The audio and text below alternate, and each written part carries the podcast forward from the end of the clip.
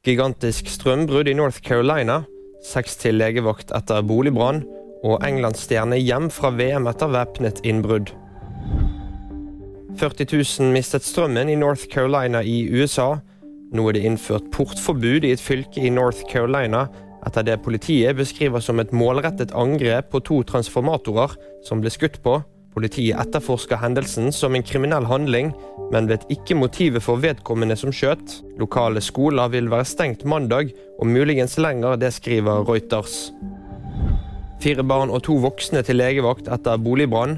Det melder politiet i Innlandet etter at det begynte å brenne i et bolighus på Leira ved Fagernes. Alle tas med til legevakt for sjekk, og Nord-Aurdal kommune har skaffet en midlertidig bopel. Brannvesenet startet slukningsarbeid på stedet. Ingen av de seks er skadd, ifølge NTB. Raheem Sterling drar hjem fra VM etter væpnet innbrudd. Sterlings familie skal ha vært i huset da innbruddet skjedde. Det melder BBC. England-manager Gareth Southgate opplyser at 27-åringen har reist hjem til London.